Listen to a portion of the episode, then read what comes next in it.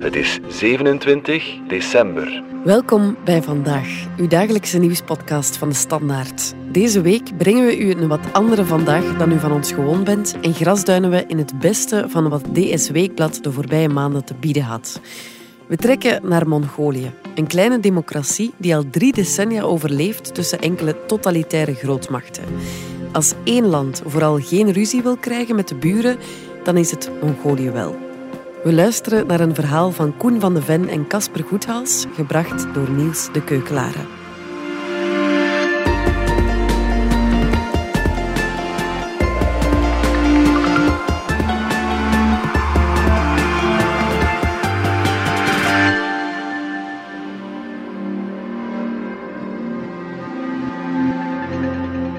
Hoe moeten we omgaan met de Chinese opmars en de Russische agressie? De standaard zocht het uit in Mongolië. De kleine democratie overleeft al drie decennia tussen de totalitaire grootmachten. Gabyu Demberel Choyamts zit op een houten troon in zijn kantoor in het Ganban-klooster in Ulaanbaatar. Op de vloertapijten van Kashmir, op de muur een glazen kast met gouden boeddha's en kostbare oude geschriften. Het ruikt naar wierook. Choyamts geeft zelden interviews. Als leider van het Mongoolse boeddhisme onderhoudt hij nauwe banden met de Dalai Lama en wereldleiders als de Indiase premier Narendra Modi. Regeringsbronnen noemen hem belangrijker dan de president. Wat de monnik zegt, kan dus gevoelig liggen. Als je mijn naam gebruikt in een artikel over China, kan dat de relaties tussen onze landen verstoren, waarschuwt hij. We moeten voorzichtig zijn. Het heeft even geduurd voor we de spirituele leider te pakken krijgen. Het Ganban-klooster is een labyrint. Onze tolk troont ons mee van tempel naar tempel. Een andere monnik houdt ons op en serveert zure melkkoekjes en koffie. Uiteindelijk blijkt Choyams nog niet aangekomen. De hoofdmonnik wordt opgehouden in de Indiase ambassade, zegt zijn assistent, die doctoreerde aan de Chinese visie op Taiwan. Hij wijst naar een groep jonge monniken in rode gewaden verderop in de wachtkamer. Diplomaten uit Tibet, zegt hij. Jullie zijn aan het juiste adres. In Mongolië kun je veel leren over China en Rusland. De wereld verandert snel, maar hier voelen we dat altijd meteen, zegt hij. Wanneer de 66-jarige Shoyams uiteindelijk naar binnen schrijdt, verontschuldigt hij zich meteen. Het is erg druk, veel tijd heb ik niet, zegt hij. Hij gaat zitten en gebaart dat we hetzelfde moeten doen. Altijd als ons land het moeilijk heeft, treedt het boeddhisme naar voren om het land te redden, zegt de hoofdmonnik met een brede lach en twinkelende ogen. Een korte monoloog over de Mongoolse geschiedenis moet duidelijk maken wat hij bedoelt. Hij zegt: De Sovjets hebben tienduizenden monniken geëxecuteerd. Het was lang verboden om zelfs maar over boeddhisme te praten. Eeuwen eerder hebben de Chinezen ons bezet, maar het lukte niemand van hen om onze vrije geest binnen te dringen. Uiteindelijk kwam er altijd een hemels moment en stond het volk op om te strijden voor onze principes van onderlinge verbondenheid, solidariteit, vrijheid en vrede. Toch is de hoofdmonnik bezorgd. Mongolië ligt als kleine democratie ingeklemd tussen de totalitaire wereldmachten Rusland en China. Het land is trots op zijn eigenheid, zijn rijke geschiedenis en zijn keuze voor de liberale democratie na de val van de Sovjet-Unie. Maar als het erop aankomt, staat Mongolië machteloos tegenover de grillen van zijn machtige buren. Dat werd voor het eerst duidelijk tijdens een bezoek van de Dalai Lama in 2016. Duizenden boeddhistische gelovigen trotseerden een sneeuwstorm om in het Gandan-klooster een glimp op te vangen van hun Tibetaanse spirituele leider. China, dat de Dalai Lama ziet als een opruier en separatist, reageerde woedend en sloot de grenzen. De schade was enorm. Mongolië heeft geen zeehavens en is voor 90% van zijn handel afhankelijk van China. Het moest inbinden. Na een maand kreeg de Dalai Lama te horen dat hij niet langer welkom is in het boeddhistische Mongolië. Choyams vreest dat China steeds vaker zo agressief zal optreden om zijn zin door te drijven naarmate het economisch machtiger wordt. De hele wereld dreigt daar de gevolgen van te dragen, zegt de monnik. China krijgt greep op het consumptieproces in alle uithoeken van de wereld. En wie controleert wat mensen consumeren, dreigt te kunnen sturen hoe mensen leven, zegt hij. Na die woorden beëindigt de hoofdmonnik plots met een milde glimlach het gesprek. Wat ik zeg over China kan grote gevolgen hebben. Ik moet opletten. Bedankt voor jullie interesse en een behouden reis door dit land, zegt hij. Er zijn nauwelijks vluchten naar Mongolië. Europese vliegtuigmaatschappijen mogen niet meer over Rusland vliegen als reactie op de oorlog in Oekraïne. Maar het Mongoolse Miat blijft de kortste route nemen. Vanaf Frankfurt gaat het in een grote boog rond Oekraïne, via Wit-Rusland richting Moskou. Daarna vliegen we over het Oeralgebergte en Siberië naar Ulaanbaatar. Vanuit de lucht in het roze ochtendlicht zie je meteen hoe prachtig Mongolië is. Zover je kunt kijken, trekt de opkomende zon lange schaduwen over 10.000 ongerepte heuvels en bergen. De steppes lijken één groot golfterrein. Her en der staat een ronde tent, soms tientallen kilometers van de volgende. Op de grasvlakte zien we kuddes zwarte stipjes, geiten, jaks, paarden en schapen. Het uitgestrekte land is van groot strategisch belang. Met zijn oppervlakte 50 keer zo groot als België, zijn amper 3 miljoen inwoners en zijn politieke neutraliteit vormt het een belangrijke buffer tussen twee grootmachten. Rusland in het noorden is rijk aan grondstoffen, maar dun bevolkt. China in het zuiden is met zijn 1,4 miljard inwoners juist voortdurend op zoek naar grondstoffen. De twee grootmachten investeren daarom fors in de Mongoolse infrastructuur. Miljoenen vrachtwagens denderen ieder jaar door het steppenland. Overal zijn asfaltgieters en graafmachines druk in de weer. Nog voor het einde van het jaar worden drie nieuwe spoorwegen afgewerkt. Die moeten de economieën van de totalitaire staten nauwer met elkaar verweven. Het wordt niet expliciet gezegd, maar Rusland en China hopen zo ook weerbaarder te worden tegen toekomstige westerse sancties. Wanneer we aankomen in Ulaanbaatar begin augustus, wapperen overal blauwe vlaggetjes langs de kant van de weg. Die hangen er ter ere van een vierdaags bezoek van Antonio Guterres, de secretaris-generaal van de Verenigde Naties. Mongolië is een symbool van vrede in een getroubleerde wereld, zegt de VN-baas. Hij prijst de keuze om een kernwapenvrije natie te blijven in een tijd waarin mensen voor het eerst in decennia opnieuw vrezen voor nucleaire oorlog. Maar de onafhankelijkheid van Mongolië staat steeds meer onder druk. Een dag voor de komst van Guterres kwam de Chinese minister van Buitenlandse Zaken Wang Yi op bezoek. Hij bedankte Mongolië uitgebreid voor de steun aan het één-China-beleid en daarmee de Chinese claim op Taiwan. Wang beloofde verdere Chinese steun aan de ontwikkeling van Mongolië en dichtte het land een belangrijke rol toe in de ontwikkeling van de nieuwe Chinese zijderoute. Rusland ziet Mongolië dan weer als een deel van zijn historische regionale invloedssfeer, waartoe het ook Oekraïne rekent. Deze zomer, nog voor de komst van Wang, was de Russische minister van Buitenlandse Zaken Sergei Lavros ook al op bezoek. Lavros besprak de plannen om een nieuwe gaspijplijn door Mongolië te laten lopen. Siberia Power 2 moet de Russische gasvelden die Europa bevoorraden voor het eerst verbinden met China.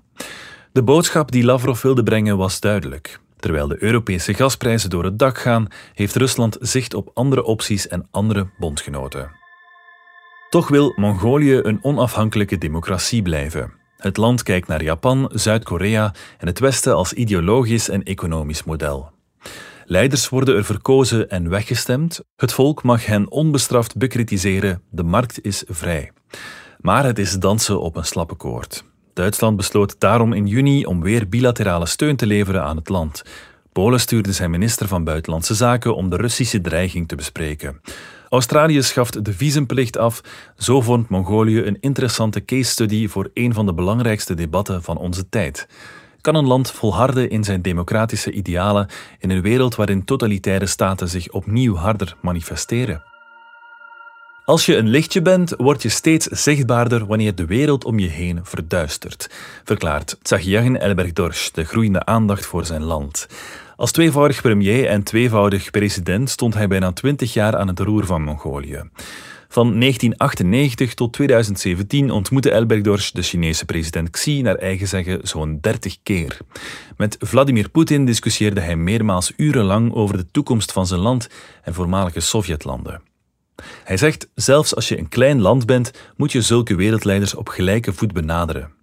Anders ben je op voorhand verloren. Ik heb altijd het gevoel gehad dat ze mij respecteerden. Ze wisten dat ik een mandaat had van het Mongoolse volk om met hen te spreken. Ze wisten ook dat Mongolië een rijke geschiedenis heeft en niet over zich heen laat lopen. Elbeg Dorsch is een koppige aanhanger van het einde van de geschiedenis, zoals die eind jaren 80 werd beschreven door de Amerikaanse professor Francis Fukuyama. Hij blijft geloven dat de wereld op termijn democratischer en liberaler zal worden. Hij zegt: De bevolkingen van alle landen, ook die van Rusland en China, zullen op termijn altijd inspraak eisen. Dat is onvermijdelijk. Tijdens een gesprek van anderhalf uur vertelt de president over zijn leven en visie op de toenemende agressie van China en Rusland. Hij zegt: Als ik naar dictators kijk, zeg ik altijd: alle mensen gaan ooit dood, ook dictators, al willen sommigen graag onsterfelijk zijn. Voor Elbeg Dorsch was de Russische aanval op Oekraïne persoonlijk. Als twintiger studeerde hij in Lviv, hij trouwde met een Oekraïense en zijn oudste zoon werd in Oekraïne geboren. Hij zegt, toen ik een zestal jaar geleden terugkeerde naar Lviv als president, riepen ze, onze president is terug. Dat was heel mooi.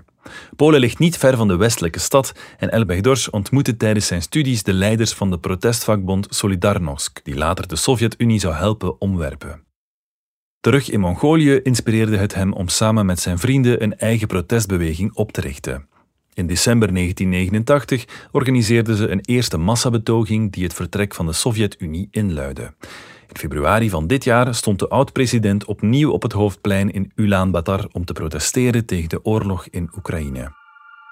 Elbegdorsch zegt: Je moet weten dat tussen Mongolië en Oekraïne maar één land ligt: Rusland. Oekraïne was een Europees deel van Rusland, wij een Aziatisch. We deden veel. Hij glimlacht bezorgd. Ik heb Poetin vaak ontmoet. Ik denk dat ik weet waarmee hij bezig is. Als je vandaag aan een Rus vraagt wie de invloedrijkste wereldleider van de 20e eeuw was, is de kans groot dat hij Jozef Stalin zal antwoorden.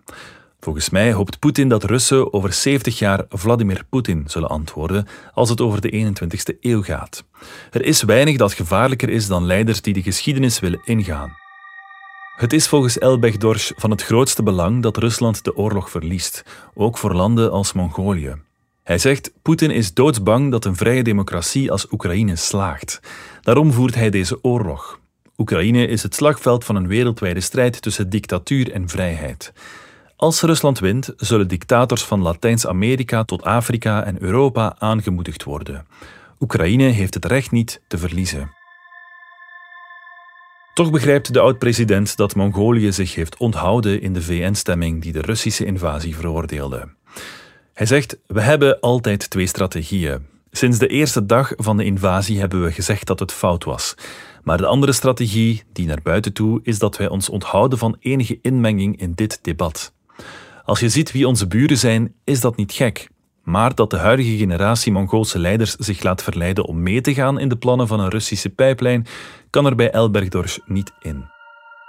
Hij zegt: Met deze Siberia Power 2 speelt Rusland een vuil spelletje. Het wil tonen hoeveel macht het in deze regio heeft. Het is niet goed voor ons dat we ons zo voor hun kar laten spannen. Mongolië dreigt verstrikt te geraken in het web dat Rusland en China met elkaar weven, vreest Elbegdorsch. Hij zegt: We hebben twee buren, maar soms voelt het alsof het er maar één is. We weten dat het wishful thinking is om China en Rusland tegen elkaar uit te spelen. Ze communiceren beter met elkaar dan met ons. Over China is Elbegdorsch ambiguur. Hij noemt Xi een vriendelijke man en beweert dat hij zich tijdens zijn presidentschap nooit door Peking heeft laten chanteren. Als we hem herinneren aan het feit dat de Dalai Lama in 2016 onder Chinese druk uit het land werd geweerd, wordt het toenmalige staatshoofd cryptisch. Hij zegt: Ik geloof dat spirituele vrijheid een hoeksteen is van onze vrijheid van denken. Dat is ook waarom ik de Dalai Lama zowel in 2011 als 2016 heb uitgenodigd en heb ontvangen. Daarmee hebben we laten zien dat we niet worden geregeerd door het Kremlin of door Peking. In het Mongools betekent Dalai Lama oceaan van wijsheid. Voorgangers van de huidige boeddhistische leider waren Mongolen, een van hen was een achterkleinzoon van Genghis Khan. Dat de Mongoolse regering tot haar spijt de heilige man een inreisverbod gaf, is dus een open wonde. Wanneer we erop aandringen om het toch over de affaire te hebben, verstond het liberale optimisme van Elbegdorsch. Waren de onvervreemdbare democratische waarden van Mongolië toch voor onderhandeling vatbaar? Na een korte aarzeling komt de oud-president met een onbevredigend antwoord. Hij zegt: Soms klagen mensen dat onze politiek moeilijk te doorgronden is. Ik antwoord daar altijd op dat het niet anders kan, dat het zo moet zijn. Als onze positie te makkelijk te begrijpen zou zijn, wordt het voor ons lastig om te overleven in deze regio. Jezelf nodeloos ingewikkeld uitdrukken kan extra veiligheid bieden. Aanhangers van Elbegdors beleid verwijzen naar het oeroude Mongoolse gezegde. Als je bang bent van de wolven, ga dan niet naar het bos. En als je al in het bos bent, wees dan niet bang van de wolven. Mongolië kan niets doen aan zijn ligging en moet leven met de buren die het heeft. Het klopt dat we niet met dezelfde kaarten aan tafel zitten, zegt Elbegdors. Ik zeg graag tegen de Chinezen dat ik investeringen in infrastructuur, de verkoop van onze grondstoffen en steunpakketten allemaal afzonderlijk wil onderhandelen. Maar de Chinezen willen alles altijd in één pakket steken. Daar moeten we ons niet bij neerleggen, maar wel toe verhouden, zegt hij. Wie de Mongoolse positie wil begrijpen, kan niet om de figuur van Genghis Khan heen. Zijn beeld staat op het centrale plein voor het presidentiële paleis. De luchthaven is naar hem vernoemd. In alle werkkamers van ministers hangt hetzelfde portret van de beroemde strijdheer. Iedere Mongool kent de verhalen van Khans buitengewone successen en honderden echtgenotes. In de 13e eeuw veroverde de generaal in amper 25 jaar meer grondgebied dan de Romeinen in vier eeuwen. Zijn rijk strekte zich uit van Tsjechië en Hongarije over Rusland, Turkije en Iran tot het hedendaagse China en India. Maar de architectuur die hij naliet was er niet één van steen, maar van naties, schrijft historicus Jack Weatherford in Genghis Khan and the Making of the Modern World. Het is een verbluffende vaststelling. Khan creëerde China door een lappendeken van dynastieën bij elkaar te vegen en tot elkaar te veroordelen. Hij dwong een dozijn bekvechtende Slavische volken tot het vormen van het hedendaagse Rusland en stichtte Moskou. Weatherford schrijft: Terwijl de Mongolen hun heerschappij uitbreiden, stichten ze op hun pad landen als Korea en India, die de moderne tijd hebben overleefd met vrijwel dezelfde grenzen als toen. Maar aan die rukzichtloze expansiedrift zit ook een paradoxale kant. Kan hertekenen de wereld ook om zijn eigen nomadische bestaanswijze te kunnen behouden. Terwijl de rest van de wereld onherroepelijk veranderde, bleef Mongolië één grote uitgestrekte steppe met her en der een tent en nauwelijks een poging tot moderniteit. Hoe dat verliep is te zien in het Nationaal Museum voor Geschiedenis in Ulaanbaatar. In Kans regeerperiode werd in Mongolië het diplomatieke paspoort uitgevonden. Doorheen de kamers in het museum kun je het wereldrijk zien groeien en weer slinken. Uiteindelijk werd het land, dat door Europese ontdekkingsreizigers het einde van de wereld werd genoemd, een machteloze speler in de marge. In het museum wordt de 20e eeuw samengebracht in twee kamers. Eerst is er een rode kamer, die toont hoe de Sovjets de nomadische cultuur proberen te industrialiseren en te domineren, met als symbolisch hoogtepunt de astronaut Zhugderdemidin Gurakcha. Die werd in 1981 de eerste Mongool in de ruimte. Over de vreedheden, de Sovjets executeerden naar schatting 30.000 monniken en voerden dissidenten af naar Siberië, wordt niet gezwegen, maar ook niet uitgebreid gesproken. De Tweede Kamer is blauw. Zodra je er binnenloopt, begint het Mongoolse volkslied te spelen. Aan de muren hangen foto's van tienduizenden betogers met hoopvolle gezichten. In de hoek van de kamer hangt de jas van president Elbegdorj. Er zijn foto's van auto's en de luxueuze hotelketens die in de stad uit de grond schoten. Een jubelend citaat van George Bush begeleidt je naar de uitgang. De boodschap is duidelijk. Ze is dezelfde als die van Elbegdorj. Het kapitalisme is het glorieuze eindpunt van de geschiedenis, het bracht geluk en voorspoed. Vanuit zijn kantoor net buiten het centrum van Ulaanbaatar schept Somati Lufsandendev er plezier in om dat liberale optimisme te temperen. Hij zegt, zoals in alle voormalige Sovjetrepublieken was de komst van het kapitalisme voor ons eerst een sociaal bloedbad. Het volk werd ongelijker en armer.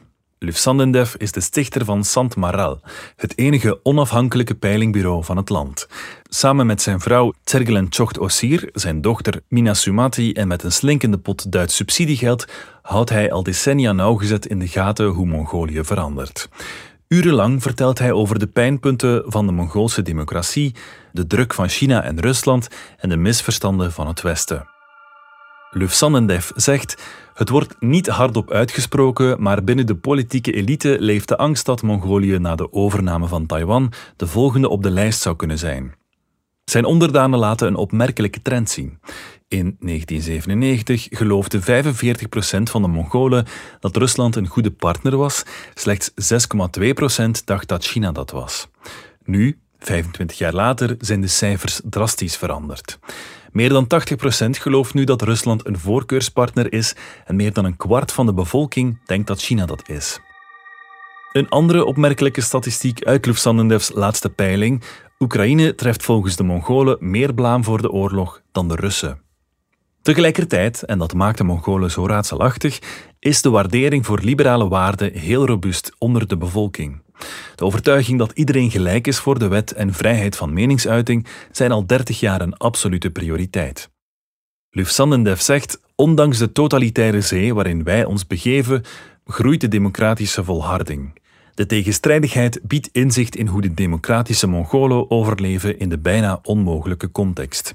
Ze accepteren de realiteit om zich heen als een gegeven, maar volharden waar dat kan in hun eigen overtuigingen. De Europese Unie begrijpt daar niets van, zegt Lufthansa Schamper. Hij zegt ze trekken veel geld uit om democratische waarden te promoten, maar die zijn al decennia lang onverminderd aanwezig in dit land. Toch is de democratie in gevaar. De diep gewordelde concurrentie erodeert de steun voor het parlement, de politieke partijen en het gerecht. Het vertrouwen in de instellingen is bedroevend laag. Volgens Lev Sandendev bevindt Mongolië zich in een pre-revolutionaire situatie.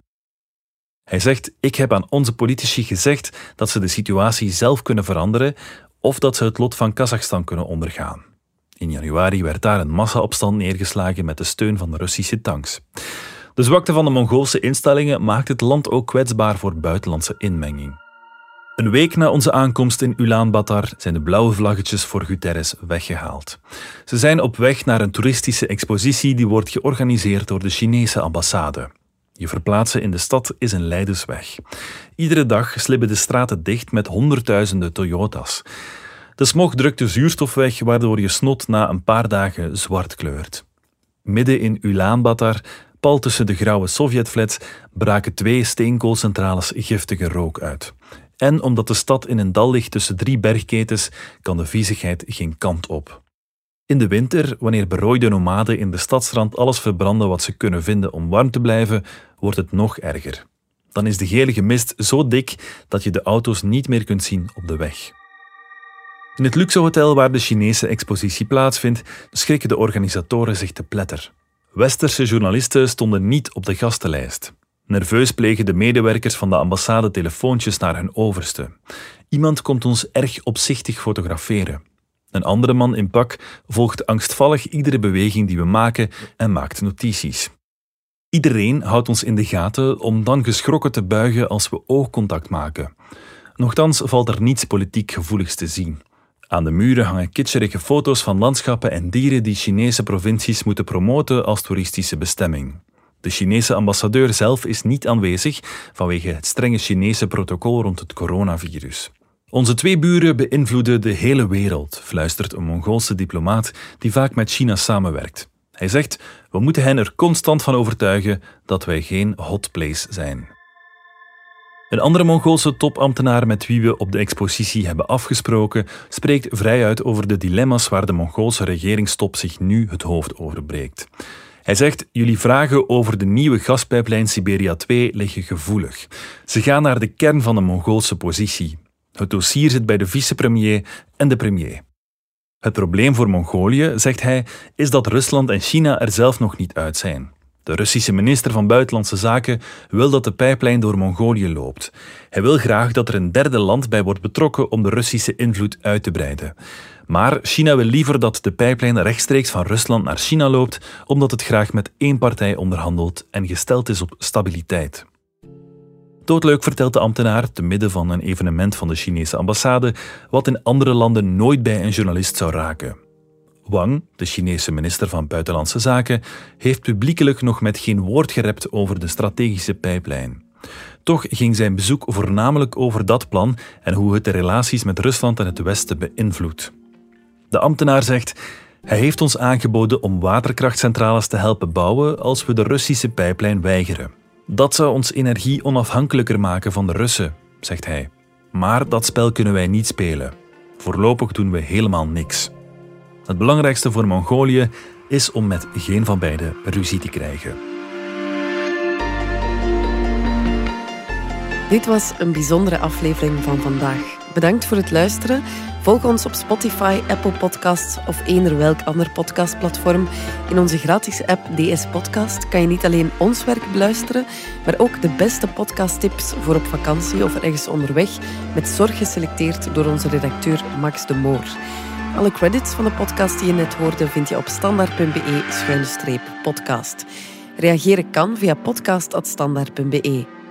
Morgen zijn we opnieuw.